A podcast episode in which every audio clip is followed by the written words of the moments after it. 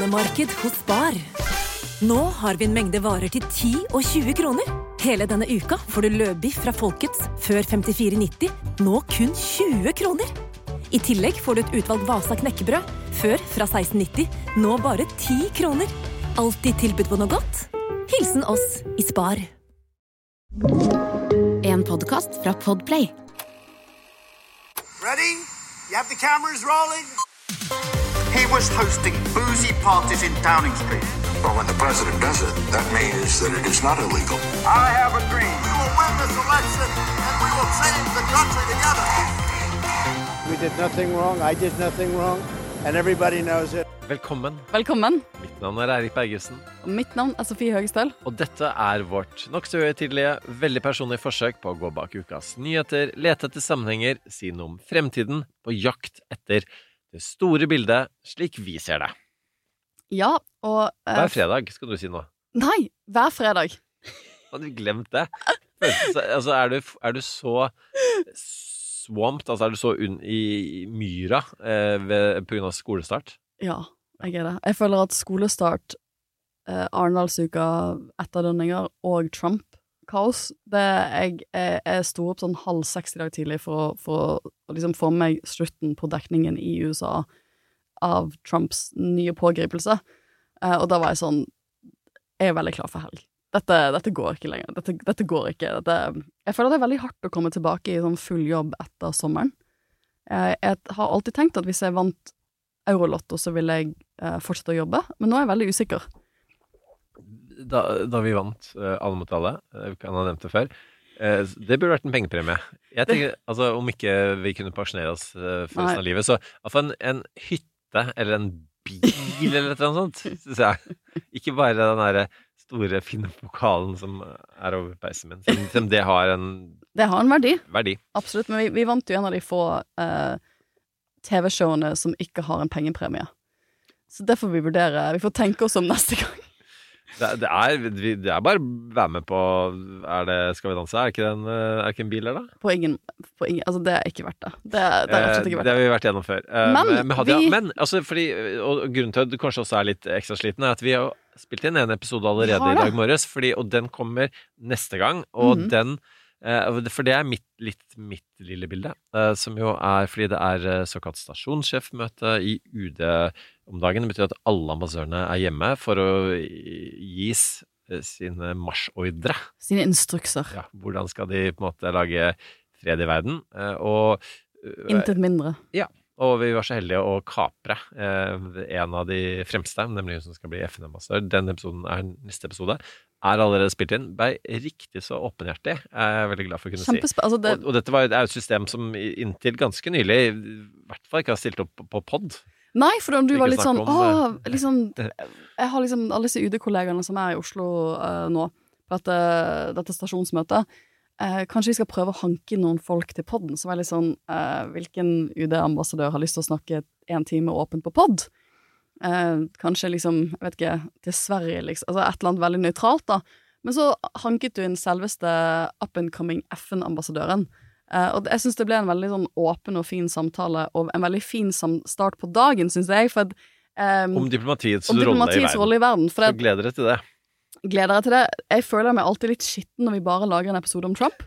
Det er litt sånn, bare, det er litt skittent. Jeg liksom It's a dirty job, a but somebody's gotta do it. It's a dirty, dirty job! Så det å da kunne spille inn en annen episode om noe ordentlig, liksom ordentlig liksom stor, De store spørsmålene i FN, det gjorde meg veldig lykkelig. Men nå we, got a dirty job to do right now. Ja, og sist vi spilte inn om Trump, og det er ikke lenge siden, så kalte vi det Nei. til og med det endelige oppgjøret. Og da diskuterte vi skulle vi ha inn et spørsmålstegn der eller ikke. Jeg tror Ja. du spurte Du ville det, Ja. jeg ville ikke. Ja. Eh, Dette er sånn vi krangler om titlene våre. ja.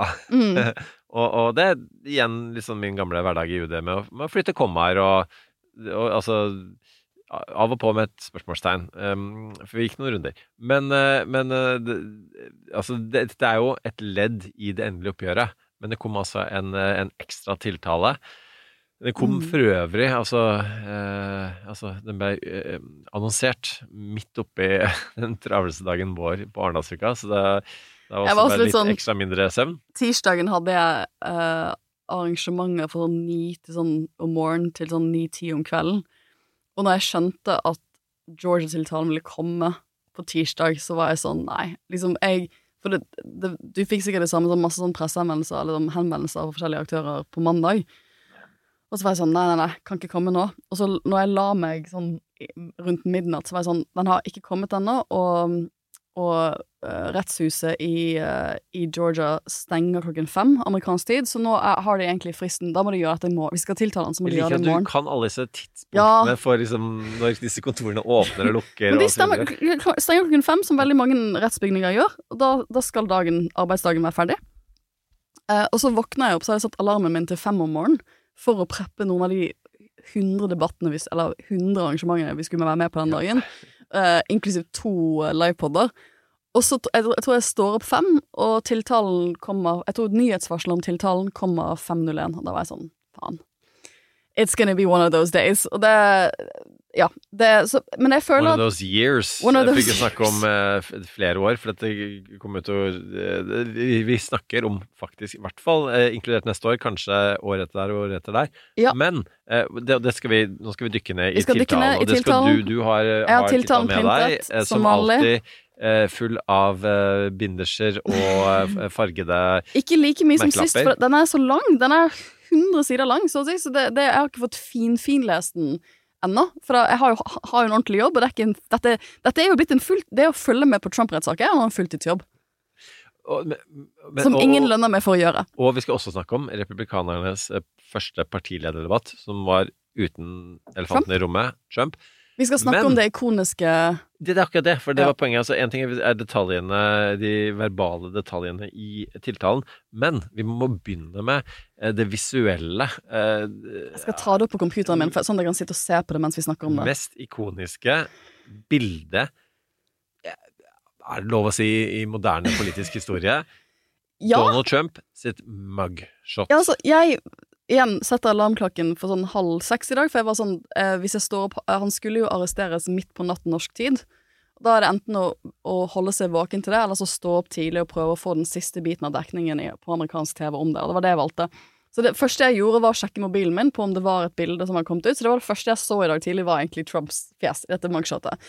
Og min første reaksjon var Noen har sett på America's Next Top Model. Ok.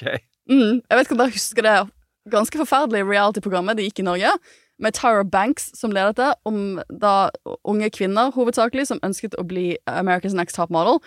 Og da gir hun jo mye sånn modelltips, og en av de tipsene hun gir, sånn smizing. Nå føler jeg at, nå føler jeg at dette, dette kommer til å aldersforskjellsgjøre mye på publikummet vårt. Enten sitter de og ler nå bare sånn hi-hi, smizing. Sofie vet hva smizing er, eller så skjønner de ingenting. Men smizing er å smile med øynene dine. Du må gi liksom, du kan ikke ha døde øyne på et bilde. Og Trump, he is smizing. Han gir et sånn veldig sånn Han gir et sånn hardt liksom sånn Det er mye som skjer bak øynene der. Det er ikke døde øyne. Det liksom Han ser Men smil er det jo ikke. Jeg vil ikke kalle det et smil, men smizing kan vel også være at man ser litt sånn sexy ut, at man ser litt sånn You know, sånn I'm gonna get you ut. Og det, det Dette Jeg føler at hvis jeg skulle sitte på Han på prøver å kommunisere et eller annet. Helt åpenbart. Han med gjør det. øynene. Eh, han gjør det. Han uh, Hvis jeg hadde stilt opp på et mugshot, så hadde jeg hatt dobbelt hake, jeg hadde vært liksom blek i skinnet, eh, sett veldig forvirret ut. Men Trump, ikke sant? Det, for det gjør jeg på alle bilder. Det har vært sånn Nick Nolte sitt ja. mugshot. Den må dere se, for det er for spesielt Ja. interesserte. Men Med bustete hår og sikkert vært sånn hva faen skjer, liksom. Mens Trump, dette har han øvd på. Jeg er helt sikker på at de har øvd på hvilken type look han skal ha på dette bildet. du nevnte America's Next Top Model med Tara Banks. Eh, min eh, Altså, den looken, da. Den, min, eh, min tanke gikk til eh, Zoolander eh, med Ben Stiller. Dette viser jo alderen vår på en ganske god måte, føler jeg. Har du ikke sett Zoolander? Jeg har sett den så vidt, ja. Eh, eller Zoolander 2, for den saks skyld. Eh, den kommer litt senere.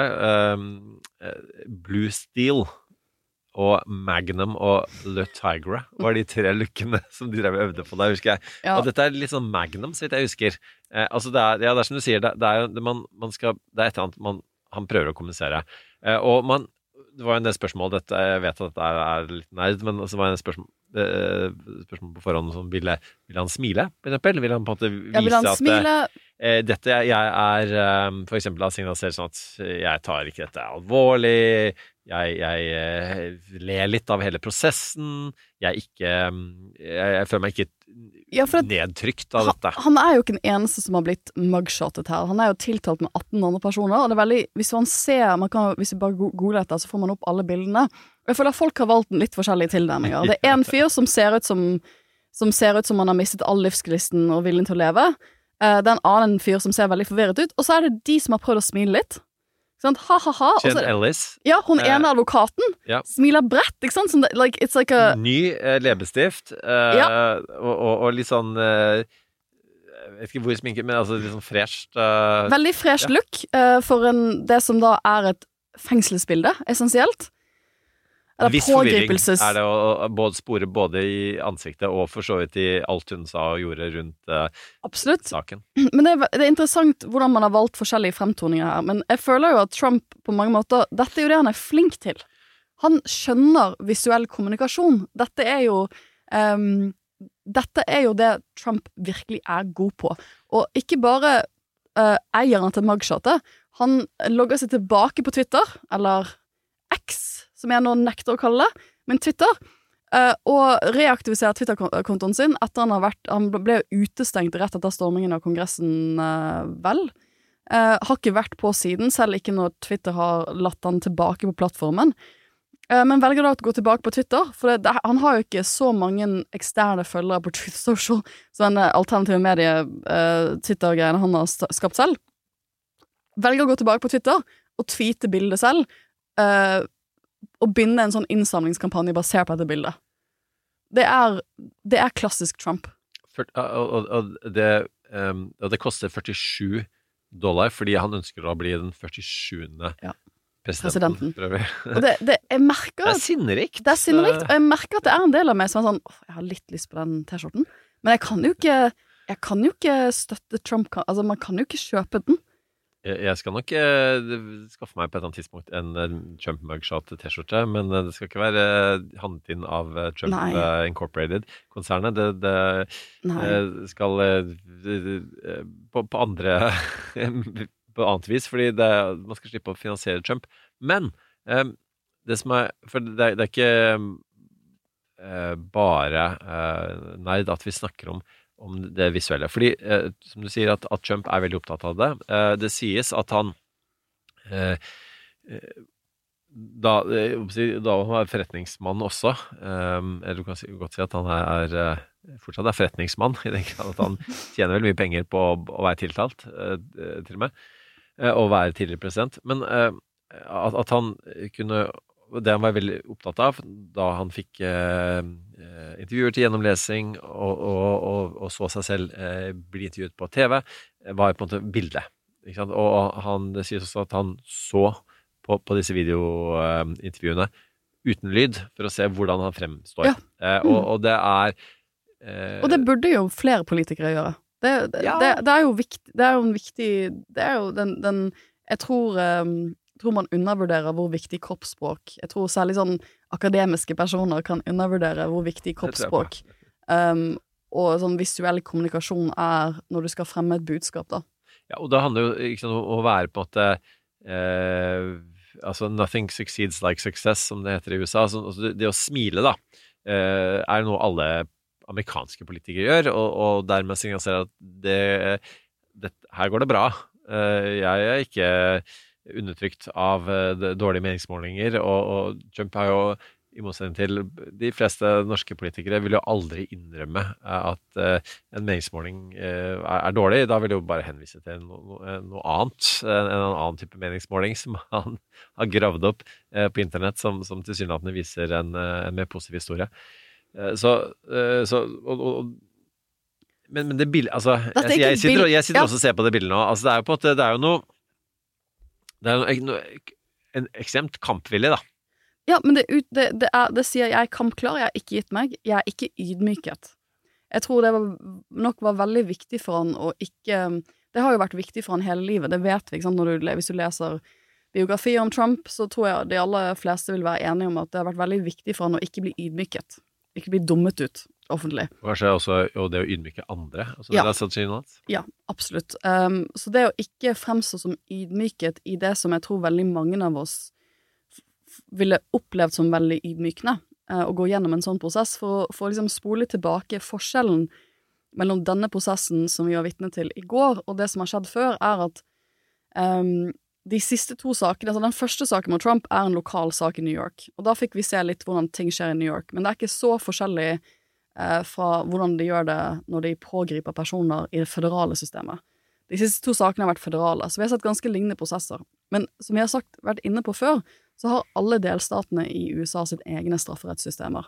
Og Det betyr at de har variasjoner i hvordan de gjør ting. Så der hans pågripelsesmøter i de tidligere sakene har vært foran en dommer, altså det har vært i retts, eh, en, et rettslokale, eh, i, det ser ut som store kontorbygg, men det er et rettslokale, eh, hvor du går inn, og du for så vidt møter du politiet først og gjør booking, som de kaller det. Du må gi, uh, altså vanligvis ta bilder, det, har- han ikke måttet gjort i de andre tilfellene, men du må liksom gi uh, kanskje DNA-prøve, du må gi tommel, du må gi finger fingerprints, du må gi en del forma formalia-informasjon. Og så, etter du har gjort det, så går du til en dommer, og så blir, får du tiltalen lest, og så må du ta til stilling til om du erkjenner straffskyld eller ikke. Georgia har en litt annen prosess, hvor det, de to tingene skjer separat. Så du blir først booked eller pågrepet, men da må du, det må skje på fengselet. Er local county jail. Det skjer ikke i en rettsbygg. Eh, det skjer, vil først skje noen uker etter de har gjort denne separate prosessen her. Så det Trump måtte være med på i går, det er rett og slett at han måtte overgi seg i et, et ganske sånt stygt eh, county jail, altså et lokalfengsel, i Fulton, som Ganske er beryktet uh, fengsel. ja, eh, det er jo et fengsel hvor folk rett og slett har dødd. eh, hvor, de er, hvor det er blitt anklaget for menneskerettsbrudd, hvor det er masse søksmål. Jeg tror det, mm, det Når du ser intervjuer med, med advokater som, som har klienter der og har vært der mye, de sier det lukter vondt. Det er, ikke, det er, det er rake motsetning av glamorøst. Og selv om Trump fikk en veldig skånet prosess, han var der bare i sånn 10-20 minutter De fleste som skal bli booket der, eller pågrepet der, de bruker en hel, ofte en hel dag, om ikke to på det. Uh, for det, er- det er jo mange, alle de som blir liksom, tiltalt eller pågrepet i en straffesak, ender dit, og så skal de gjennom denne kjøttkvernen av et system. Og, og bare ta det så Grunnen til at, han, at det var et mugshot nå, da, arrestbildet, arrestbilde, og ikke de andre sakene, var at i Georgia så mener man at det, å ta et bilde sånn også av de, måte, de rike og mektige som måte, alle vet hvem er. Ja. ikke sant? Så det liksom ikke, man, man må ikke identifisere de ved et bilde, men for, det, for å vise rett og slett likhet for loven. Ja, for det, Alle må gjennom Ikke prosessen. sant, for det, det hadde man valgt i de andre sakene litt pragmatisk å si at nei, det er ikke noe Jeg tror særlig for de føderale sakene, de to siste sakene på føderalt nivå, så har det vært viktig for Jack Smith, som er denne statsadvokaten som leder det, å vise at han ikke er ute etter å unødig ydmyke Trump i offentligheten. Det er ikke det disse sakene handler om. Ehm, så da har de valgt å ikke uh, ta et sånt bilde. Mens uh, Georgia, det er, de er helt selvstendige. Det er helt uavhengig fra føderale myndigheter. Og de har tatt beslutningen om at vi kommer til å behandle han helt likt som alle andre. Nå har han ikke blitt behandlet helt likt som alle andre, for som sagt, dette, denne prosessen her tok ikke en hel dag. Han var ikke egentlig fengslet i en hel dag. Han ble ikke eh, ført inn med håndjern, for eksempel. Han ble ikke ført inn med håndjern. Han har kunnet hatt en ganske sånn hurtig prosess hvor han kommer inn, melder seg 0138 norsk tid eh, i dette distriktsfengselet, og, og så hvor de begynner denne prosessen hvor han gir fingeravtrykk, tar dette bildet, må oppgi høyde og vekt, og det er viktig å prestere at han, det, er, det er han som har oppgitt sin egen høyde og vekt, så når du så liksom vekttallet, så var man litt sånn Det kan sikkert stemme. Jeg syns det er veldig menneskelig at man kanskje har liksom trukket litt fra og til. Og så har han også oppgitt sånn eh, hårfargen sin sånn strawberry blonde eller et eller annet sånt, som også en interessant tolkning av H, men hvorfor ikke? Um, øvrig, og eh, innsidefolk sier at han er i hvert fall 15 kilo mer enn det han sier han er. jeg syns det er menneskelig. Jeg kan kjenne meg igjen i det. Ikke sant? Jeg hadde også vært sånn 50 kilo hvis jeg hadde vært liksom satt foran en sånn fengslingsgreie. Um, men, men så Men han har gjort, det har gått veldig, veldig fort. Han har jo vært der med Secret Service. Han er ikke liksom Til forskjell fra veldig mange andre eh, Hvis du har lyst til å se en god TV-serie om dette, så se The Good Wife. Som er en liksom, den ligger Den er en av de beste jeg mener sånn, eh, sånn eh, advokatseriene i nyere tid i USA. Litt fordi den er ganske realistisk. Og de har av, de gjør sånne litt sånne forskjellige innfallsvinkler. Av og til har de hatt episoder hvor du følger noen som plutselig blir booked. Plutselig ender de opp in a county jail. Og liksom, du bare ser hvor kaotisk den prosessen er for de aller fleste. da, Du må sitte i du, du sitter jo egentlig i fengslet med mange andre personer mens du venter på å bli prosessert gjennom systemet. Uh, Trump har jo vært der med Secret Service, han har ikke, det var ikke hans opplevelse, det gikk som sagt veldig fort.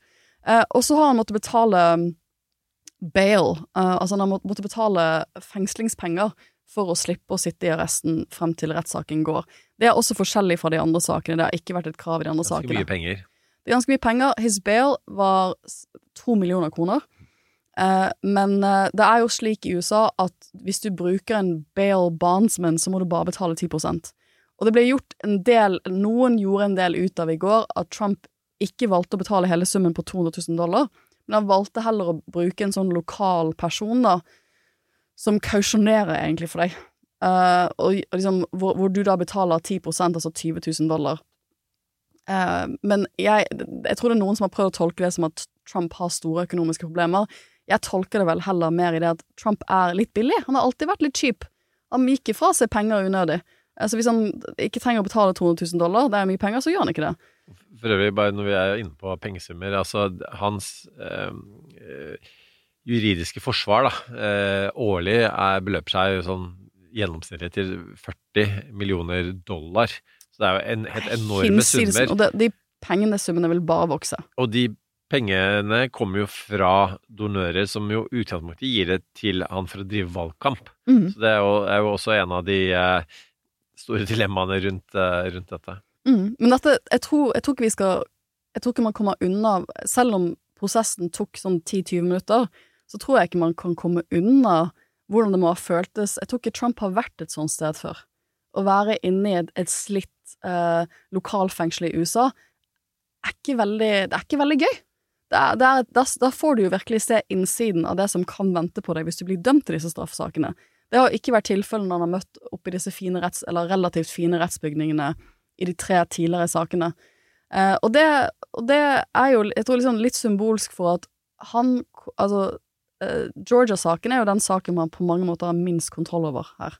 For de, altså de, de, de to andre føderale sakene de er styrt av Justisdepartementet, og der har man valgt en litt annen tilnærming. Og den saken i New York er egentlig ikke så viktig. Det er en fislesak, hvis du sammenligner det med disse sakene her.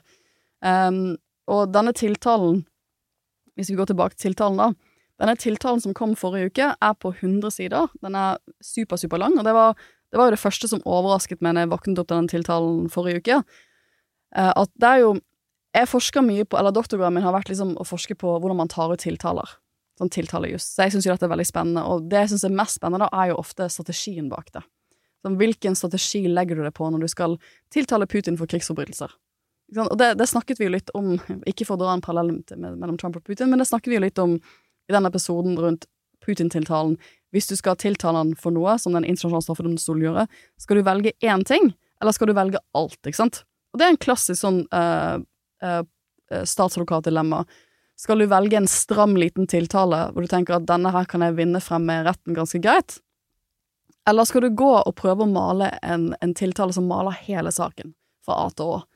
Eh, og det er et klassisk vanskelig dilemma, og det man ser i Georgia-saken, er at der eh, Jack Smith og de nasjonale sakene, eh, statsadvokaten i den valgpåvirkningssaken eh, som kom for noen uker siden, valgte en mye strammere tiltale mot bare Trump, eh, som var mindre tiltalepunkt og mindre omfattende. Var fortsatt omfattende, men var, den var en snevere sak, da. Så har um, Fanny Willis, som er statsadvokaten i den saken i Georgia, vant valgt den helt motsatte approachen. Hun har valgt å tiltale 19 personer sammen for én stor conspiracy, eller sammensvergelse.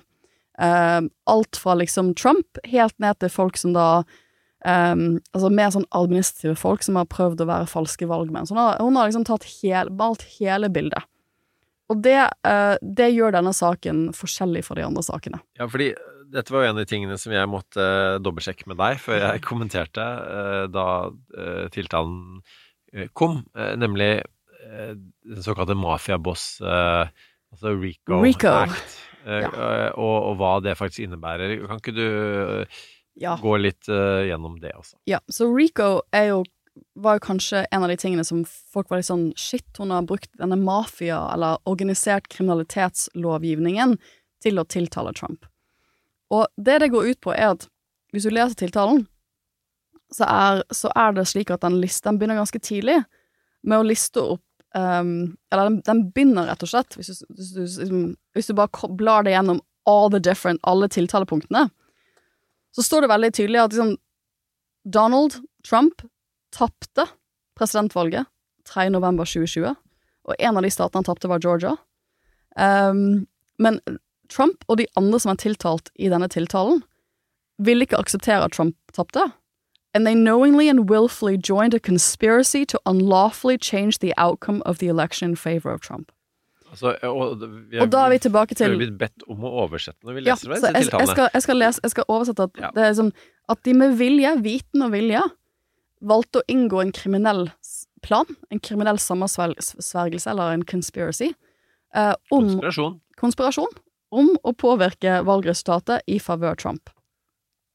Og denne, så skriver de videre at denne her eh, konspirasjonsplanen contained a common plan and purpose to commit two or more acts of racketeering activity in Fulton County uh, and elsewhere in the state of Georgia. Med andre ord at denne konspirasjonen har i en kjerne at de hadde en sånn felles plan, eh, og at alle i denne konspirasjonen har begått minst to handlinger som er racketeering, som er, uh, som er det man kaller denne sånn mafialovgivningen, da. Uh, og det er liksom viktig, for det, det tiltalen gjør, er at den lister opp noe sånt som 100 det, sånn, Jeg blar gjennom de nå. Den lister opp da Den begynner med å liste opp 166 acts, eller handlinger, hvor statsadvokaten mener at de, disse personene som er tiltalt, har handlet på en måte hvor de har, eh, hvor de har prøvd å påvirke valgresultatet. Og hver av de tiltalte trenger ikke å ha vært med på alle de 166. Det er derfor man bruker sånn RECO-lovgivning. For hver person som er med i den tiltalen, trenger ikke å ha vært med på alle disse 160 eh, handlingene. De trenger kun å være med på minst to av de. Og hvis du kan bevise at de har vært med på minst to av de, så kan du straffe de for hele planen. Og det er hvorfor hun har brukt denne loven her. For hun sier ikke at Trump har vært med på hver eneste lille mikrohandling her. Men hun sier at han har vært med på noe av det, og alle i tiltalen har vært med på minst to av disse tingene. Og da kan jeg, da kan jeg straffe dere for alt. Og for en ikke-jurist eh, så vil jeg si at oi, det var eh, litt av en lovanvendelse. Ja. Og, det er jo ganske radikalt eh, grep som man vel knapt kjenner igjen i norsk eh, Ja, dette er en sånn, jeg vet ikke om det er en fun fact, men det, dette er jo det vi på norsk vil kalle medvirkningsregler. For det er jo gjerne slik at, det er det jeg pleier å si til studentene mine i strafferett, at av og til så går man sammen med vennene sine og gjør noe straffbart sammen. Og da er det ikke slik at alle vennene dine trenger å ha vært med på den straffbare handlingen på samme måte. For eksempel hvis man planlegger å rane en bank. Det går et bankraneri. Da er det kanskje slik at venn nummer én har funnet eh, planløsningen, de har stjålet planløsningen for banken. Venn nummer to har skaffet koder. Eh, venn nummer tre er den som gjennomfører selve bankranet sammen med venn nummer fire og fem. Da har jo alle gjort litt forskjellige ting, men de kan også etter norsk lov straffes for medvirkning, for de er enten psykisk eller fysisk medvirket, altså kommet med en handling som har bidratt til at dette bankranet kan skje. Eh, mens USA har, med, har gjennom conspiracy medvirkningsregler som er enda videre enn det man vanligvis har. Man har en europeisk kontekst. Dette er min dagens Jeg vet ikke om det er en fun fact, men da de satt og skulle lage rettsoppgjøret etter andre verdenskrig, så sitter liksom de vinnende partene, det er Russland, USA, ehm, Storbritannia og Frankrike sammen for å prøve å lage dette rettsoppgjøret mot nazistene. Og da var jo noe de diskuterte, var jo hvordan skal vi tiltale dette? Hva skal vi, hva skal vi kalle det de har gjort? Eh, og da var den amerikanske delegasjonen veldig på at nei, nei, vi bare kaller det en stor konspirasjonsteori. Det er det vi gjør i USA. For da, da er hele essensen at du må ikke vise at hver eneste toppnazist var med på alt, men du trenger bare å vise at de bidro til, litt, til den, denne fellesplanen på litt forskjellige måter, så kan du straffe dem for hele greien. Og da, da sa liksom de kontinentale juristene, altså fra Frankrike um, og russerne sånn Nei, det er så drøy, det kan vi ikke gjøre. Liksom, det er en sånn sånn konspirasjonslovgivning, en sånn sær amerikansk ting som strekker straffansvaret altfor, altfor langt. For det er egentlig prinsippet i strafferett at du skal bare kunne straffes for det du har gjort selv. Så det, sånn type lovgivning kommer jo litt på kanten med det, eller det strekker det, det, straff, det strekker det individuelle straffansvaret ditt veldig, veldig, veldig, veldig langt. Og dette har jo vært en krangel i internasjonal strafferett, for amerikanere har prøvd å, ta inn conspiracy i internasjonal strafferett og si at det er sånn vi skal tiltale disse store kriminelle handlingene, for det er mye lettere for oss. Og så har ofte europeiske jurister vært sånn det kan vi faktisk ikke gjøre, for vi mener at det, er liksom, det strider egentlig med sånn menneskerettsprinsipper om hvordan man straffer folk. Um, så derfor er dette er reelt sett omstridt lovgivning. Uh, men, men samtidig, det er jo ofte slik at hvis man skal ta store kriminelle organisasjoner, så er jo hele poenget at mafiabossen har ikke vært med på alt. De har vært med på noe, ikke sant? Eh, og dette er en måte å feste toppersonene på. Jeg skrev faktisk masteroppgaven min om denne type, liksom, denne type sånn strafferettsmekanismer. Det er en måte å ta toppersonen, som gjerne ikke har vært i alle møtene, og knytte de til eh, handlingen til sine undersåttene sine, og så straffe de for den hovedhandlingen. Men det er omstridt. Du har vist til både doktorgraden din og mastergraden din nå. Nå skal jeg vise til min eh, kriminelle løpebane. Eller vil si det som jeg fram til nå ikke var klar over var en kriminell løpebane. Fordi jeg har jo eh, hele livet eh, vært kanskje litt overforsiktig. Eller i ungdommen spesielt. Og, og så da mine skolekamerater på barneskolen gikk på epleslang i nabolaget, så gikk ikke jeg inn i hagen eh, og stjal epler, men jeg sto og ventet på de. Men det, men det, ja, Exactly. men det er, da, da er du med på the conspiracy! Ja, Så i henhold til uh, The Racketeering, Influenced and Corrupt Organizations Act, Ja. så burde jeg vært dømt Du, for du, epleslang. er du er en del av den korrupte Ja. organisasjonen. Bare ved at jeg står og venter på de. Ja, for det, det muliggjør at de kan springe inn og hente de eplene. Og det har jo vært, jeg tror det mest kontroversielle Eller det er ikke, det er ikke veldig det er kontroversielt. derfor det er foreldelsesfrist på, ja, ja, ja. på sånne ting. Epleslam. Ja, ja, det, Det er noen år siden. det er foreldre for lenge Ja, det er godt å vite. Men, men, men det som Altså, det er jo ikke Jeg vil ikke si at Og det er hvis noen av i nabolaget mitt uh, det hører på så Det var et jeg- veldig godt eksempel, Eirik. Tusen takk! Bare hyggelig. Det var veldig, veldig det var, men, men jeg tror liksom de mest sånn tragiske sakene jeg har vært borti, er sånn 16 år gamle gjengmedlemmer som har stått utenfor mens de tror at kompisene skal liksom rane butikken, da, eller kanskje ta med seg noen DVD-er, eller godteri, eller whatever. Eh, og så viser det seg etter hvert at gjeng disse eh, De som har vært inne i butikken, har drept, rett og slett. Eh, eh, en av innehaverne. Det har, blitt, liksom, det har, blitt, det har, ut, det har utspilt seg vold. Og da kan den personen som har stått utenfor For det er nok forskjell mellom norsk lov og eh, amerikansk lov på dette punktet, at vanligvis må du ha hensikt. Du må ha visst du du må ha hatt du må, Selv om du ikke var med på for eksempel drapet, da, så kan du straffes for medvirkning, men da må du faktisk ha ment du, må- må vært, du må ha skjønt at det var det som skulle skje. Du må ha hatt en viss type hensikt eller vilje da, til at det skulle skje. Eller forsett, som vi kaller det. Du må ha Og det liksom, og hvis du, Men hvis du står utenfor um, Utenfor butikken eh, og ikke visste, og liksom virkelig ikke trodde Ikke ante at de hadde med seg gevær, for eksempel, eller pistol, du, du, du hadde ingen måte å vite at det var dette som kunne skje på, så kan du ofte fortsatt straffes for drap. Og, liksom, og få ganske mange år i fengsel. Så dette er jo sånn, det er jo mange forsvarsadvokater som hater den type lovgivning, for de mener at det strekker Det, ganske, det fanger opp ganske mange, da, Um, uh, kanskje lavere rangerte gjengmedlemmer særlig, uh, og straffer de for ganske store handlinger.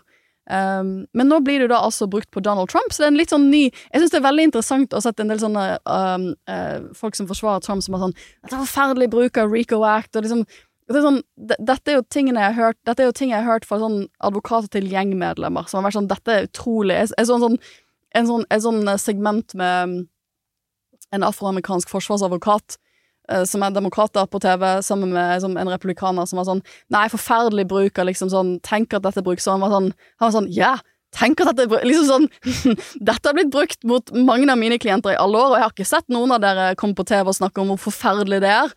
Um, men det er jo klart at det blir kontroversielt når hun bruk Eller at hun skulle gå så fullt ut og bare liksom kaste som egentlig organisert krim... kal, det, det hun har gjort, er hun egentlig kalt inn for en kriminell organisasjon. Og bare sånn, vær så god.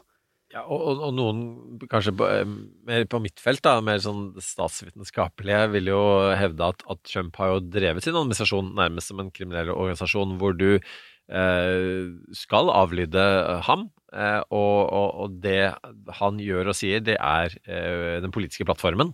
Eh, og, og, hvis man da den ene gangen eh, trosser han, så da er du, da er du ute. Og en av de mugshotene jeg ser på nå, det er jo da eh, Mark Meadows, som er eh, Stabssjefen til Trump. Stabsjefen til Trump, eh, som jo har et litt mer sånn u, u, utgrunnelig eh, ansikt, fordi eh, Og kanskje, kanskje er det en, en eh, refleksjon av virkeligheten nå, fordi mange lurer på eh, han, som har blitt, han har blitt trukket inn her kanskje helt uten å eh, backe den, den kriminelle eh, formålet med, med denne planen. Og så er spørsmålet på at eh, vil han snakke, og hvor åpent vil han snakke til eh, eh, etterforskere? Ja, for det, det er jo rykter om at han samarbeider i andre saker. Nå er det jo mange, nå er det flere saker, og ja, jeg- syns også det er vanskelig å holde alle disse sakene separert, men en av de tingene som har, har blitt skrevet om i amerikanske medier denne uken, er at han blant annet skal ha sagt til etterforskere i den graderte dokumentsaken at Trump A aldri snakket om, så vidt han husker, at han skulle avgradere dokumenter. Og det slår jo bein under det som er en av Trumps forsvar i denne saken. At, jeg, mener, jeg, jeg som president kunne avgradere dokumenter, jeg avgraderte de, de dokumentene tok med seg. Han sier som stabssjefen hans, det hørte jeg aldri snakke om. Det andre han har gjort, er at han var jo vitne til at Trump tok ut disse dokumentene. Han skal ha vitnet om at nei, nei, han tok ut disse dokumentene. Um, men det vi ikke har visst, er hvor stor grad han samarbeider i disse sakene også. For han er jo ikke tiltalt i den føderale versjonen av den straffsaken som er i Georgia nå. Og det har jo mange spek spekulert i at fordi at han ikke er nevnt i tiltalen, er nok fordi at han har samarbeidet på en eller annen måte. Um, en annen person, men jeg tror den mest for meg da som jurist, den eller som har tatt jusutdanning i USA, den personen som er det mugshotet som kanskje er mest ikonisk der, er Rudy Giuliani.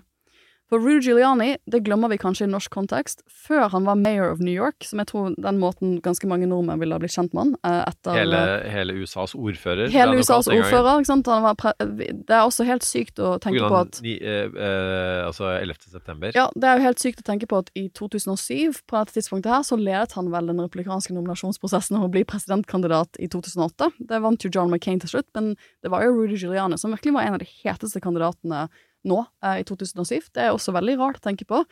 Men det jeg så skummelt å tenke på. det, ja, men det han gjorde før han ble eh, borgermester, det var at han var statsadvokat. Og hva var det han var spesielt opptatt av som statsadvokat? Jo, han var en av de som virkelig ville få en sånn RICO laws i New York, og bruke de.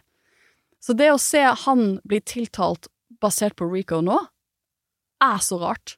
Det er, det er så rart. Det er, det, it just it blows my mind. Det er, det er nesten uforståelig. Poetisk rettferdighet er vel kanskje et Noen vil sikkert, men, men en av de tingene han fikk som sånn En av de tingene han fikk på 80-tallet, da, eh, som, sånn, sånn, som, som han bygde politisk karriere for, som gjorde at han ble valgt til mayor of New York etter hvert, det var jo at han aggressivt brukte denne type lovgivning i New York til å gå etter uh, organisert kriminalitet i New York.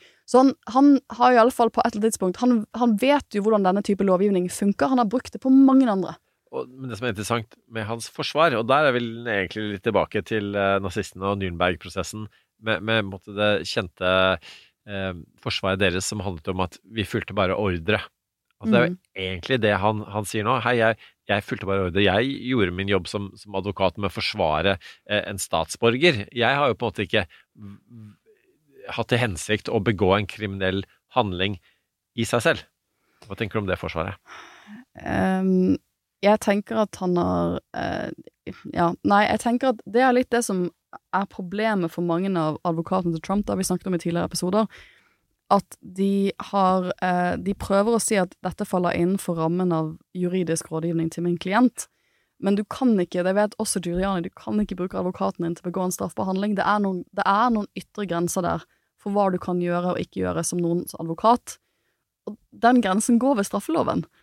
Og, og for å holde oss til disse mafia-eksemplene nå, eh, og dette har vi jo for så vidt snakket om før på podden nå, men altså eh, når Trump sier at eh, hei, dette er, det er ytringsfrihet å si at valget eh, var, var stjålet, så er det jo da på samme måte eh, ikke ytringsfrihet å si f.eks. at eh, du som er mafiaboss til en undersått og bare si hei, kverk den personen der.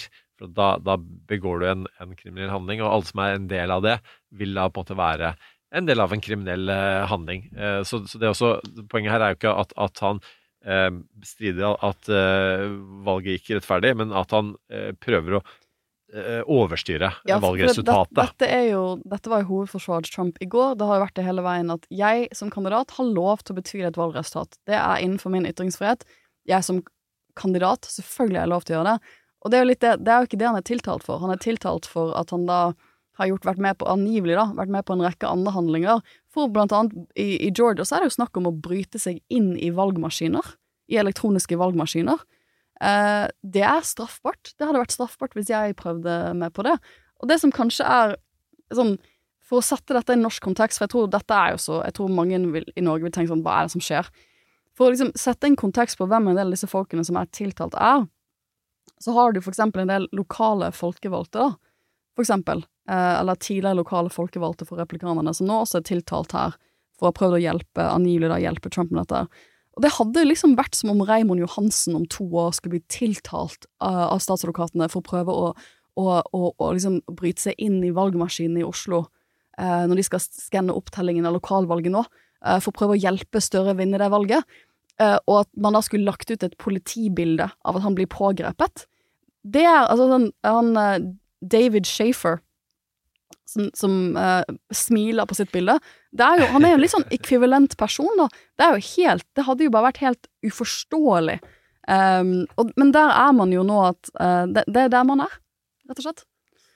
Ja, og, uh, det, I denne saken her, og det som er så interessant, er jo at her har man på den rykende revolver. Her har man den telefonsamtalen som Trump hadde uh, med Brad Raffensperger. Man kan var... knytte han veldig direkte til dette på en måte som kanskje er vanskelig i de andre Eller kunne vært vanskelig i de andre statene. Ikke sant. Og, og, og, og den samtalen går ut på at han ber om uh, å få de, de, altså de konkrete antall stemmene han trenger for å vinne det valget.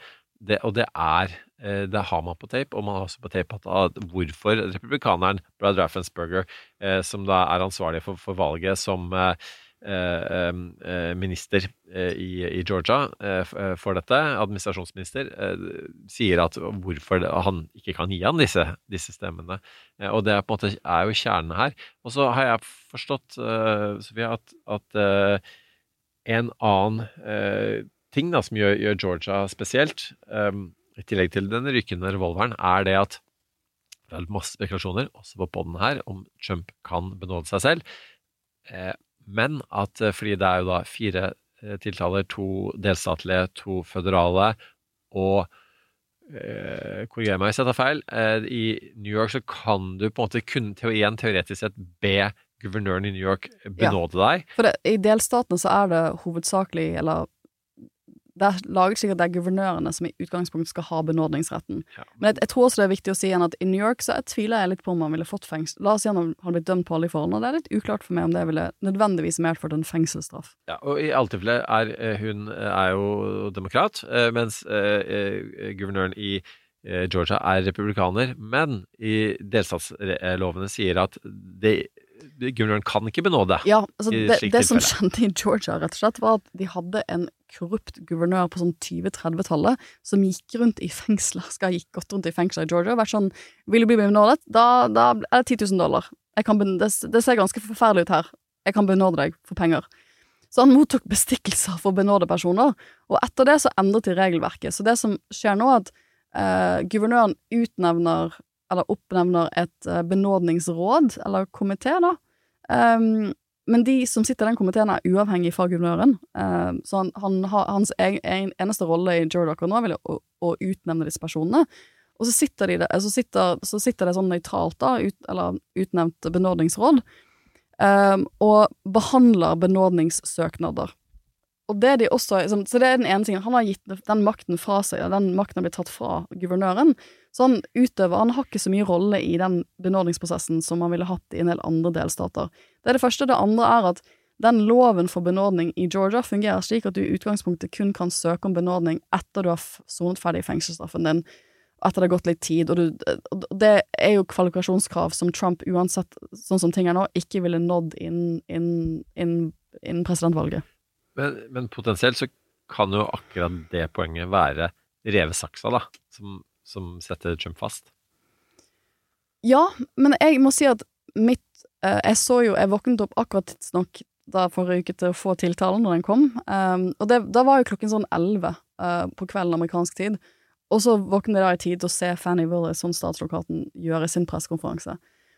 Og det hun prøvde å selge inn på denne pressekonferansen, var at å nei, denne rettssaken kan gå kjempefort, og ja, jeg har lyst til å, uh, føre straffesaken med alle disse 19 personene samtidig. Og da tenkte jeg sånn, dette her For hun har jo tatt ut en tiltale, igjen, til forskjell fra de føderale statsadvokatene, så har hun tatt ut en tiltale på så å si alt. Den er så detaljert. Eh, hun har valgt å ta en tiltale mot 19 personer sammen. Det er en sånn Big Mac-meny av en tiltale. Og den Big Mac-en, hvis du først har tatt ut en Big Mac-meny som tiltale, så må, så må den spises. Da må hele menyen spises. Og det tar tid. Eh, og det du ser allerede nå, at det er totalt kaos. Har, disse 19 personene har forskjellige interesser. De er veldig forskjellige posisjoner.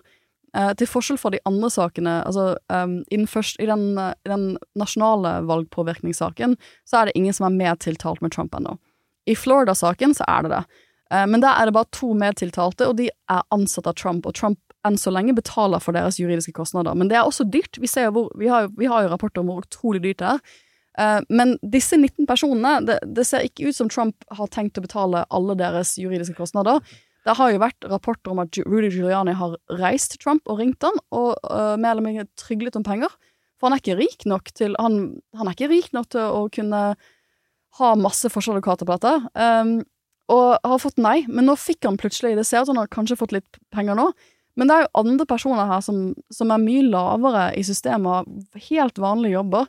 Eh, og de har ikke samme interesse av Trump. Så du ser at han ene Han har spurt dommeren, spurte dommeren i går i rettssaken om at du har forskjellige rettigheter som en, en, en straffetiltalt, og en av de er at du da av og til kan spørre om en eh, fort prosess. Du kan si at ok, jeg er tiltalt, jeg har bare lyst til å få dette ut av verden.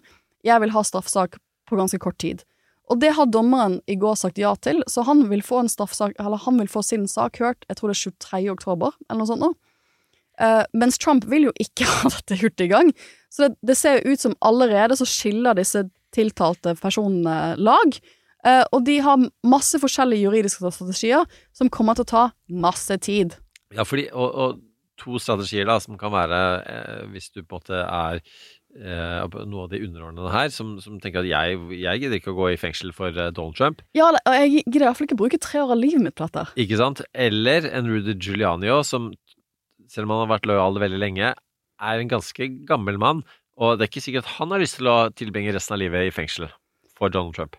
Eh, nei, eh, men han, han har jo enn så lenge lagt seg på en veldig Donald Trump-linje. Han, han sier jo mye av de samme tingene som Donald Trump gjør. Hvis de kan komme etter meg, så kommer de etter deg snart. Ikke? Jeg tar dette for systemet, dette er et korrupt system, dette er uforståelig. Eh, men han er jo også en mann som er godt voksen nå, og dette kommer til å bli veldig dyrt. Så, men da er vi litt tilbake til når vil denne rettssaken skje? Og som sagt, allerede så har en av de tiltalte spurt om en fortere prosess, og det ser ut som den saken hans vil bli utskilt fra de andre sakene og gå i oktober. Nå har uh, Fanny, hun statsadvokaten, sa forrige uke at jeg har lyst Eller hun sa at uh, jeg tenker en rettssak rundt uh, januar-februar. Nå har hun liksom gått litt tilbake på det og sagt at å, han ene tiltalte vil ha det i oktober. We're game, vi kan gjøre det i oktober. Eh, men mens det som skjer er at noen av de andre tiltalte igjen, Mark Meadows inkludert, prøver å få hele saken flyttet opp til en føderaldomstol. For han mener at vet du hva, jeg gjorde dette her som offentlig ansatt eh, for den føderale staten, da kan ikke dette gå for en delstatsforsamling, eller delstatsdomstol. det er også, jeg fikk, jeg fikk spørsmål om, fra NRK kan du oppsummere forholdet mellom sånn føderale domstoler og delstatsdomstoler. Det er, sånn, det er et kjempevanskelig spørsmål.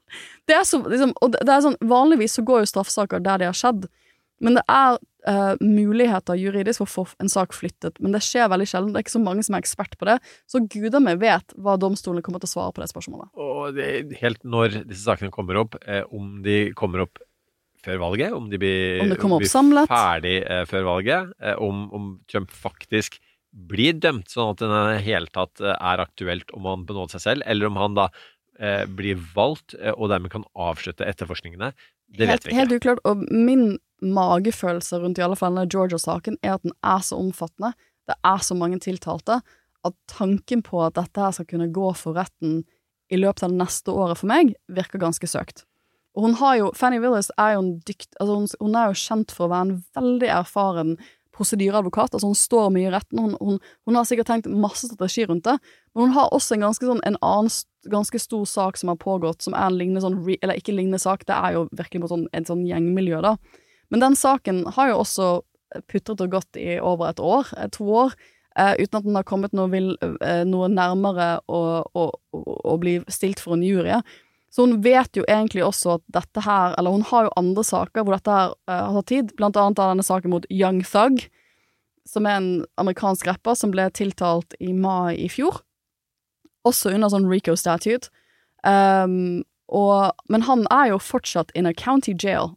Ah, Det er ikke Den saken ble tatt ut i mai, tiltalen ble tatt ut i mai 2022. Er ikke noe nærmere en rettssak der. Og det, litt, og det tenker jeg er indikativt på hvor denne saken her også går. Ehm, vi får se hvordan det ender med Young Thug eller Old Thug uh, og, og Trump. Med det så må vi også snakke litt om det republikanske primærvalgdebatten. Velkommen til Kjemperådet! Vi har fått inn et kjempekleint problem fra Trine Lure 22. Ok. Jeg leser. De to andre i kollektivet mitt har begynt å date, og jeg syns det er veldig kleint når vi skal se på TV sammen, og de bare skal kline. Ok. Ja, hvordan skal hun løse dette? Siden Trine Lure er under 30, får hun jo ubegrenset data fra Telenor fra 399 kroner. Da Da kan hun sette seg på sitt eget rom, streame så mye hun vil på mobilen. Ja, hun kan jo se på nye mobilabonnement på telenor.no. Ja, det er lurt. Kronemarked hos Spar. Nå har vi en mengde varer til 10 og 20 kroner. Hele denne uka får du løbiff fra Folkets før 54,90, nå kun 20 kroner. I tillegg får du et utvalgt Vasa knekkebrød, før fra 16,90, nå bare 10 kroner. Alltid tilbud på noe godt. Hilsen oss i Spar. Dette har jo vært en forrykende Det skulle jo egentlig være en stor uke for mange av Trumps utfordrere. Og nå er vi litt tilbake til mange av de spørsmålene jeg fikk forrige uke. er Hvordan skal Trump drive valgkamp og være i disse rettssakene? Og det, det, det sa jeg, det vil vi se neste uke, for i neste uke kommer han til å gjøre det i praksis. For denne uken her så hadde republikanerne sin første presidentdebatt med presidentkandidatene sine. Vi så Trump valgte til slutt, han liker, å, han liker å gå frem og tilbake, men han valgte til slutt det vi trodde han skulle velge, og det var å ikke stille i denne debatten. Så gjorde han heller et konkurrerende intervju med Tucker Carlson, som gikk samtidig, som han forhåndsinnspilte På Tuckers på Tuckers eh, Twitter-konto. um, som har blitt sett millioner, altså virkelig høye seertall. Som han slipper, jeg tror, samtidig som den debatten går, Ja, ja. bare for å fucke med de. bare for å være sånn, nei, det skal ikke få noe, Jeg tror skal tro skal få presseoppmerksomhet. Og så velger han da å overgi seg dagen etter. Så den dagen som egentlig skulle vært full av analyser, at hvem vant debatten, og hva sa de i debatten, hva blir den dagen der? Det blir Georgia, Georgia, Georgia. Det blir Trump i, altså, i, i delstaten, det blir Trump som snakker til pressen etterpå. Uh, han velger å overgi seg klokken altså, syv om kvelden amerikansk tid, primetime TV-tid. Ingen, ingenting av disse tingene er tilfeldig. Han greier å kuppe hele mediebildet. Og som noen sa på Fox News, jeg så på litt i, liksom, i morgentimene, eller eh, norsk tid, da, altså, men fortsatt sånn midnatt amerikansk tid liksom, Det er ingen Ingen får noen oksygen. Det blir ikke noe valgkampoksygen til noen andre når dette skjer. Da blir det bare Trump hele tiden. Og det er hvordan han kommer til å drive valgkamp. Altså, vi har sett denne uken her, de siste tre dagene, hvordan han kommer til å drive valgkamp midt oppi alle disse rettssakene.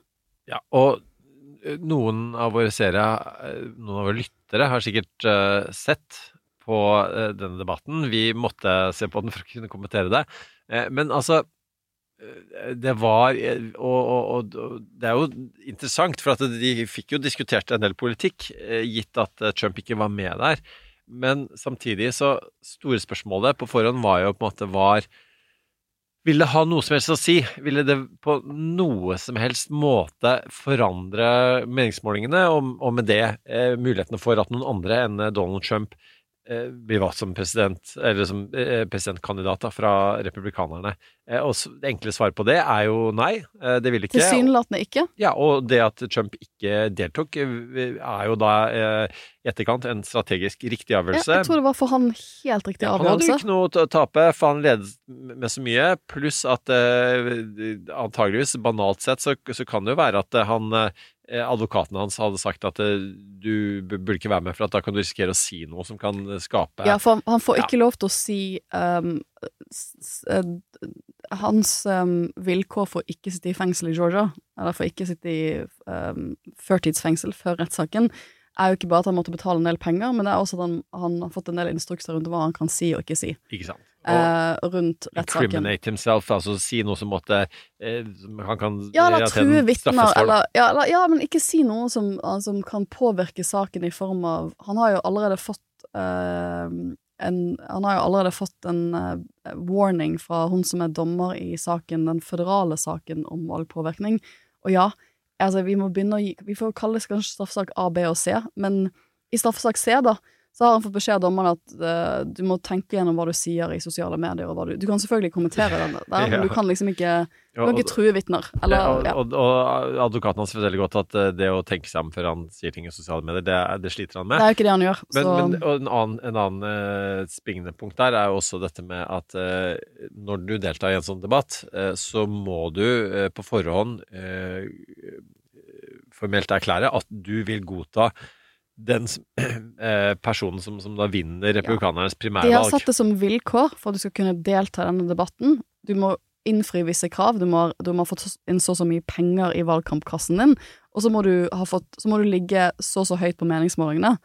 Det er sånn minimumskrav for å delta. De innfrir jo selvfølgelig Trump med en gang, men det andre kravet var jo at du må signere Du må si at jeg kommer til å støtte den eh, kandidaten som blir valgt, uavhengig om det er meg eller ikke. Og det vil han ikke gjøre. Og det Nei. som, også, det som kanskje er det mest interessante øyeblikket i debatten fordi det, det, altså de snakker jo altså En ting er at Trump ikke er der, men de snakker jo ikke om Trump i det hele tatt den første timen. Og så Det de blir spurt om, eh, er altså alle åtte, er eh, om eh, hvis de Altså hvis Trump blir dømt, men allikevel vinner valget for republikanerne, vil de støtte det eller ikke?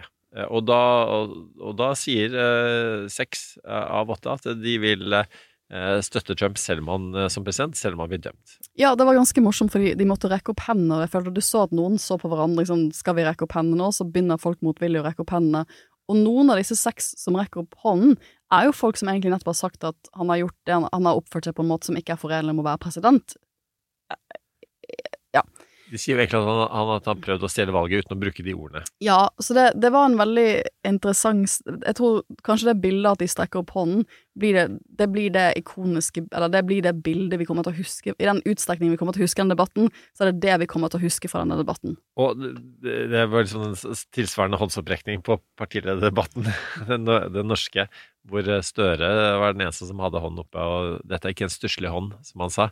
Nei. Eh, og det var litt, litt eh, det eh, som, som gjaldt eh, oljeproduksjon, var ikke det? Avvikling av oljeproduksjon. Ja. Eller om vi ikke skal nå klimamålene våre. Ja, ja, nettopp. Ja, same, same. Men, eh, men han eh, Og der er jo eh, da Chris Christie og Assa Hutchinson som da ikke, Ikke rakk opp hånda, men det var sånn, sånn Men en Mike halvveishånd ja, men, men Mike Pence igjen, en som er et stjernevitne i disse føderale tiltalene mot Trump, opp med hånden! Han rekker opp hånden! Og, og, og of um, Hang Mike Pence fame. Altså hadde Ja. han som, som eh, Trumps tilhengere ville henge uh, utenfor Kongressen. Ja. Selv han uh, godtok dette. Og det som også er interessant, er selv om de sier at nei, Trump har ikke rett i, i det han påstår rundt valget, så sier de samtidig at uh, eh, Justisdepartementet burde ikke bli eh, weaponized, som er liksom bevæpnet eller politisert. det burde ikke brukes som et politisk våpen, er deres hovedbudskap. Ikke sant? Og, og det Men igjen, igjen, igjen Mike Pence ja. Og det er jo Trumps Er jo- talking point. ja. Mike Pence er jo med på tiltalen, som da, de, da han samtidig mener blir brukt som et politisk våpen mot Trump. Det er, du kan ikke stå i be, begge de standpunktene samtidig. Så det, det er jo veldig rart. Igjen, det er en, det er en sånn alternativ virkelighet å se på, å se de støttene Særlig en del av de mer, la oss kalle det moderate kandidatene som Hay, Nikki Haley, uh, Ron DeSantis, som også Han Stakkars Ron. Stakkars Ron! Han, han rakk ikke han, å restarte valgkampen Nei, han, han virker ikke som han greier å vite Han, greier liksom ikke å, å, å posisjonere skjønne hvordan han skal posisjonere seg på en del vanskelige spørsmål som dette med Trump. Uh, og det jeg, jeg så litt av intervjuet Trump hadde på Tucker Carlson sitt show. Og da sier han jo Han sier vel mer eller mindre rett ut at, at disse personene Jeg vil ikke debattere disse personene her. For hvis du legger liksom det sammen hvor mange prosentpoeng de får på meningsmålinger, så har jeg fortsatt flere prosentpoeng enn de. Og han sa vel på Tucker Carlson at jeg leder med 50-60% det gjør han ikke. Men han leder med, altså akkurat nå, så leder han med sånn 40 margin på de aller fleste meningsmålinger. Eh, og DeSantis som pleide å være, som så ut lenge da, som vi har snakket om, som den eneste hovedkonkurrenten, hvis du ser på hans tall fra jul, så har de bare dalt nedover. Nå ligger han på sånn 14 um, så, Og Haley ligger på sånn 3% Pence 4 uh, Den store breakout-stjernen er jo uventet nok en 38 år gammel mann som også har gått på Harvard. Det er en fun fact om, um, om det som kanskje ble Han som kanskje ble den store stjernen den kvelden. Og det, han heter Vivek Ramaswamy. Og han er da 38 år gammel, eh, self-made eh, Han mener vel at han er milliardær, det er litt tvil knyttet til det, men han er veldig, veldig rik. Og det, min favorite fun fact om han er at han har gått på Harvard, som også for så vidt eh, Ron DeSantis. Så det, dette er jo to han har, I likhet med Ron DeSantis har han både gått på Harvard og på Yale. For hvorfor ikke? Gå på begge deler. Um, men later som han er en mann av folket. Uh, og det, det jeg lærte om han denne uken, var at det han studerte på Harvard, det som var hovedfaget hans da, er biologi. Og han graduated summa cum laude. Og summa cum laude, da er du topp 1-2% av alle de som gikk ut av Harvard det året der, i biologi. Dette var også da mannen som sier under debatten at klimaendringene er en hoax. Og, han har da en supergrad for Harvard i biologi. Og som har tjent pengene sine på, på en medisin... eh, type. Medisin-type startup. Så ha- han var jo kanskje den som fikk en del um, Fikk en del oppmerksomhet for sin friske debattstil. Og den, den eneste som antageligvis kommer til å gjøre noe ordentlig byks på meningsmålingene, er jo han. Og han var jo i den debatten en slags sånn Trump-surrogat. Altså han på en måte representerte i, på sett og vis eh, Trump i den debatten. Han ville benåde Trump hvis han ble president. Det var ikke måte Han mener han, han var Jeg så noen intervjuer med replikanske velgere som hadde sett på debatten, som følte at han var flink til å snakke om kjerneverdier. Snakket om viktigheten av familie. Familieenheten. Snakket om abortspørsmålet på en måte de likte. Snakket om klimahoaxen på en måte de likte. Eh, snakket også om eh, verdier, og at det bare finnes to kjønn. Det finnes ikke mange flere kjønn enn det.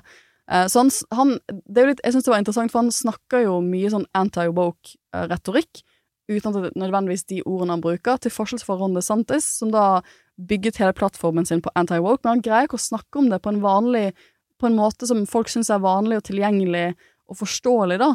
Eh, og jeg følte at han, han Jeg følte at eh, selv om Ron DeSantis det, man, det er flere som har gjort sånne meningsmålinger etterpå med republikanske velgere. Um, 538, for eksempel, har liksom ringt republikanske velgere etter denne uh, debatten, og så har de spurt sånn Det jeg syntes var interessant, at de spurte først sånn Hvor mange av dere så på det? Og da var det 67 som sa vi 'jeg så ikke'. Og det er jo igjen Trump-effekten, ikke sant. Jeg tror Hvis Trump hadde vært med, så hadde flere sett på det. Så han har tatt et, et, det jeg mener er et strategisk riktig valg. Bare 33 sa at de hadde sett på det. Eh, og av de 33 prosentene så var det 29% av de som sa at Ron DeSantis var, kom best ut.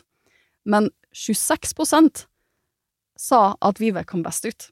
Og han er jo Ingen visste hvem denne mannen var for et halvt år siden. Nei, og han, han har jo det man ofte snakker om i Kasper politikk, et tak. Altså, han, kom, han kommer ikke til å bli president. Han, det, er, for sært, og han, har for Altså, han er for fersk i gamet, han har ikke den type erfaring, og, og, på en og, og motstanden som, som han fikk, da, som de gikk jo mer etter han enn en DeSantis, som jo DeSantis hadde forberedt seg på. og jeg tror det er så Det er så dårlige nyheter for DeSantis. Hvis ikke de andre deltakerne i debatten tenker han er lederen, jeg tenker han er den mest interessante personen å angripe, så er det fordi at de tenker at du har mistet grepet om denne valgkampen, eh, og de bryr seg ikke så mye. Og Han stjal jo til og med Obamas eh, formulering om at, at, eh, at jeg er en tynn gutt med et A rart skinny kid with a weird name, ja. Så, sånn at, og, og det ble også Og så fikk jeg også passe på skrevet av Chris Christie for akkurat det. Og Christie, du kan si at, at den, den eneste strategien som, som i hele tatt har noen muligheter til å lykkes i disse debattene, er jo eh, å Bortsett fra på en måte å håpe at Trump, forsvinner, at, at du er the last man eller woman standing, at man er eneste gjenværende kandidat. Hvis Trump får så mye juridiske problemer at det er umulig å drive valgkamp, eh, noe jeg ikke tror kommer til å skje.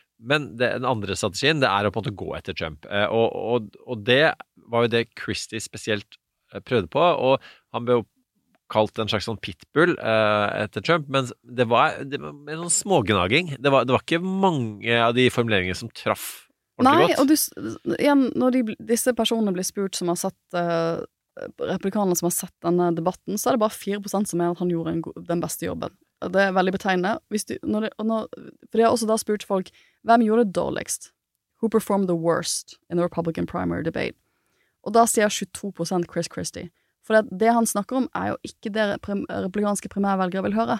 Eh, han snakker jo ikke til han snakker til en liten, liten flik av partiet som ikke styrer partiet lenger. Ja, og så snakker han på en måte litt om konstitusjonelle problemer, og, og, og, det, det, er, det, det, er litt vanskelig. Altså, du, du, jeg, du, våre lyttere er veldig glad i det, uh, har jeg inntrykk av, men, men, men, det er vanskelig. Og så kan du si at den som fremførte det argumentet aller best, er jo Mike Pence, som jo på en veldig personlig måte sier at den dagen eh, så ble jeg eh, bedt om å om, om, å sette presidenten over konstitusjonen, og, og det eh, gjorde jeg ikke fordi jeg da eh, fire år tidligere eh, eh, sverget på Ronald Reagans bibel at det ville jeg ikke gjøre. Jeg ville forsvare den eh, altså konstitusjonen eh, til siste slutt. Så, så, så, på det Men han var god. Nikki Haley er gode, var god, men, men dessverre, de blir nok ikke republikanernes neste presidentkandidat. Nei, Nikki Haley var liksom på tredjeplass over de eh, noen av lytterne, noen av seerne syns gjorde en god jobb, eh, best jobb i debatten. Hun fikk 15% Så jeg føler hun hadde sånn relativt sett en ganske god dag, for hun har blitt litt avskrevet. Jeg tenker veldig sjelden på at hun stiller til presidentkandidat, men hun ble litt som en sånn voksen stemme på den scenen. Hun Absolutt. gikk også ganske hardt etter han Vivek, og var litt sånn 'du er ikke erfaren nok til å stå her'. Hun sa det mer eller mindre rett ut, særlig i bolken om utenrikspolitikk, for han er jo da har en veldig sånn Trump-linje med at uh, USA burde trekke seg ut av all Ukrainas støtte. Men, men tanke på at hun skal få en super boost i det, at dette skal føre til at hun klatrer på meningsmålingene, det har jeg ikke så mye tro på. Eh, så de, dette er jo litt som du sa innledningsvis, dette virker ikke å ha vært en debatt som kommer til å endre så veldig mye. Nei, og, og, det som også, Apropos Ukraina, for det er et viktig poeng Vi kunne diskutert masse det som er sagt om amerikansk politikk og abort osv., men det har vi ikke tid til. Eh, men eh, Ukraina ble nevnt, og, og, og Vivek eh, eh, vil ikke bruke penger på det. Og DeSantis også sa at han ville prioritere grensen til Mexico, og ville ja. til og med gå, altså involvere hæren i å gå etter eh, meksikanske eh, narkokartellet. Sånn, sånn og, og, det er klart at er det én ting som vil være med å avgjøre eh, krigen i Ukraina, så er det hvem som blir eh, USAs neste president, og hvem av disse republikanerne eventuelt det blir. Og, og blir det da altså de to som leder, som er, er Trump og DeSantis, så, så, så, ser det dårlig ut eh, for Ukraina. For da, da er det bare å innkassere den uh, seieren for, uh, for, for, Putin, gitt at Trump selv har sagt at han ville avsluttet krigen på 24 timer. Ja, Hvordan kan man ellers gjøre det enn å bare på en måte trekke tilbake eh, våpenstøtte til Ukraina? Og da er den krigen over, og Putin har vunnet den. Så, så, dramatisk er det. Så får vi jo se, da, eh, når Dette er jo, dette er jo tidlig i valgkampen, og for øvrig også tidlig i primærvalgkampen. Det er en halvt år til ting virkelig kommer til å begynne ja. å svinge her. Neste debatt er i slutten av september i Los Angeles, og det blir interessant å se om de har lære av disse tallene du, du leser opp, eh, og, og prøver faktisk å gjøre et reelt byks. Og da må de eh, ikke bare være hver, hver for én, men også sammen gå etter Trump. Uh, og, og da, Det er ikke bare konstitusjonelle spissfindigheter, men da må si at hei vi, Og det, det, var jo litt det uh, Nikkel gjorde, å si at vi kommer til å tape valget om ja. vi har han som kandidat. Hun, hun, var, hun var, den mest Jeg syns det var sånn et, et, et, Det var jo et høyd... Eller jeg syns det var et interessant punkt, for hun sa rett ut Istedenfor å begynne å gå liksom på straffsaken og alle disse andre, liksom, alle, alt drama rundt Trump, så sa han bare rett ut at vi kommer ikke til å vinne med han som kandidat. Det har vi lyst til å ha en kandidat som kan vinne. Det er folk her på denne scenen som kanskje kan gjøre det, men det kan ikke Trump. Og det er, det er nok et um, det er nok ikke et argument som uh, fenger akkurat nå, men vi får se om det endrer på seg de neste ukene. Jeg tror jo kanskje ikke det. Nei, og det er jo, det er jo for øvrig også grunnen til at uh, flertallet av republikanske velgere støtter Trump, fordi de har tenkt at han er den som er best egnet til å vinne, og, og mm. sist, og også nå for så vidt også slå uh, Biden.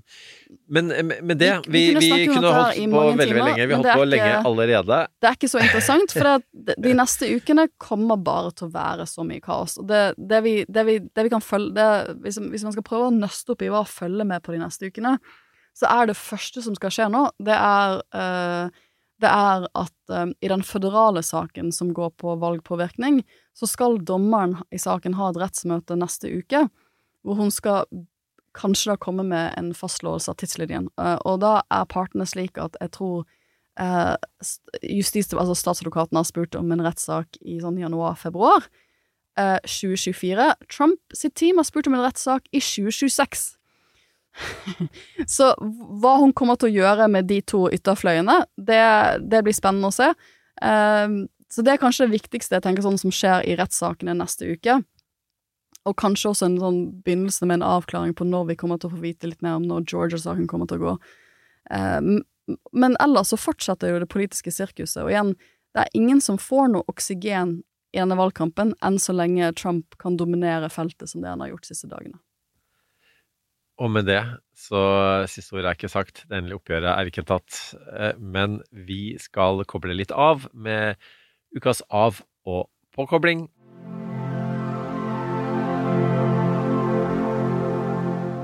Og min eh, avkobling eh, denne uka er en roman som apropos lov og rett og forbrytelse og straff The Talented Mr. Ripley, som kanskje en del har sett som film. Og det, jeg vil jo si at den, dette er en av de tilfellene hvor filmen er uh, omtrent like god som uh, romanen, men ikke uh, like god til slutt allikevel. Selv om altså, det var altså, Matt Damon, Jude Law, Philip Seymour Hoffman, What's Not to Like.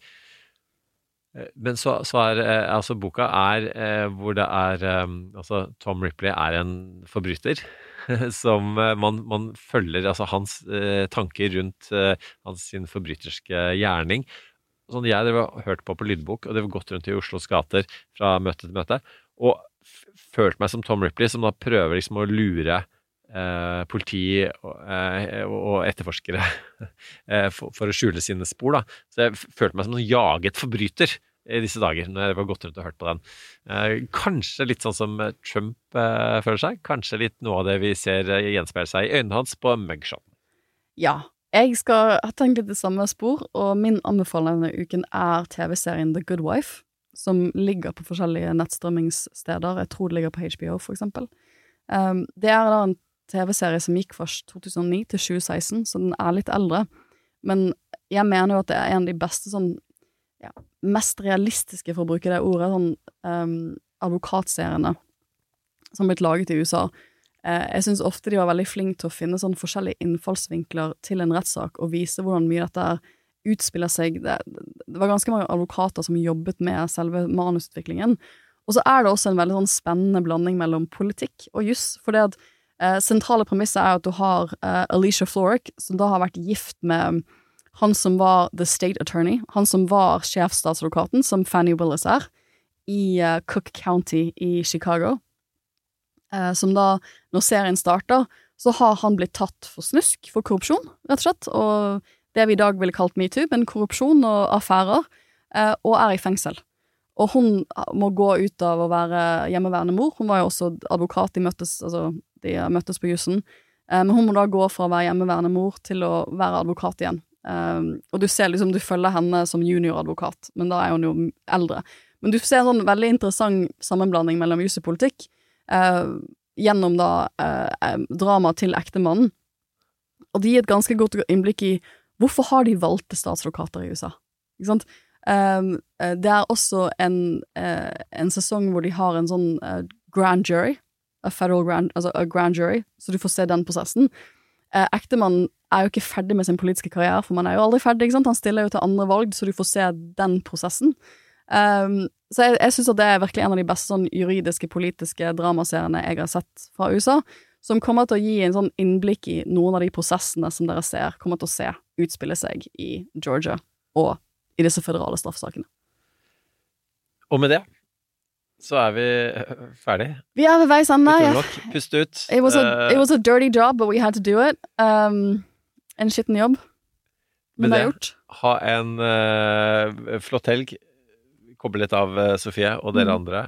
Og så uh, får dere også ha en fortreffelig neste uke. Så lyttes vi. That's enough. Put down the mic. Du har hørt en podkast fra Podplay. En enklere måte å høre podkast på. Last ned appen Podplay, eller se podplay.no. Kronemarked hos Bar. Nå har vi en mengde varer til 10 og 20 kroner. Hele denne uka får du løbiff fra Folkets før 54,90, nå kun 20 kroner. I tillegg får du et utvalgt Vasa knekkebrød, før fra 16,90, nå bare 10 kroner. Alltid tilbud på noe godt. Hilsen oss i Spar.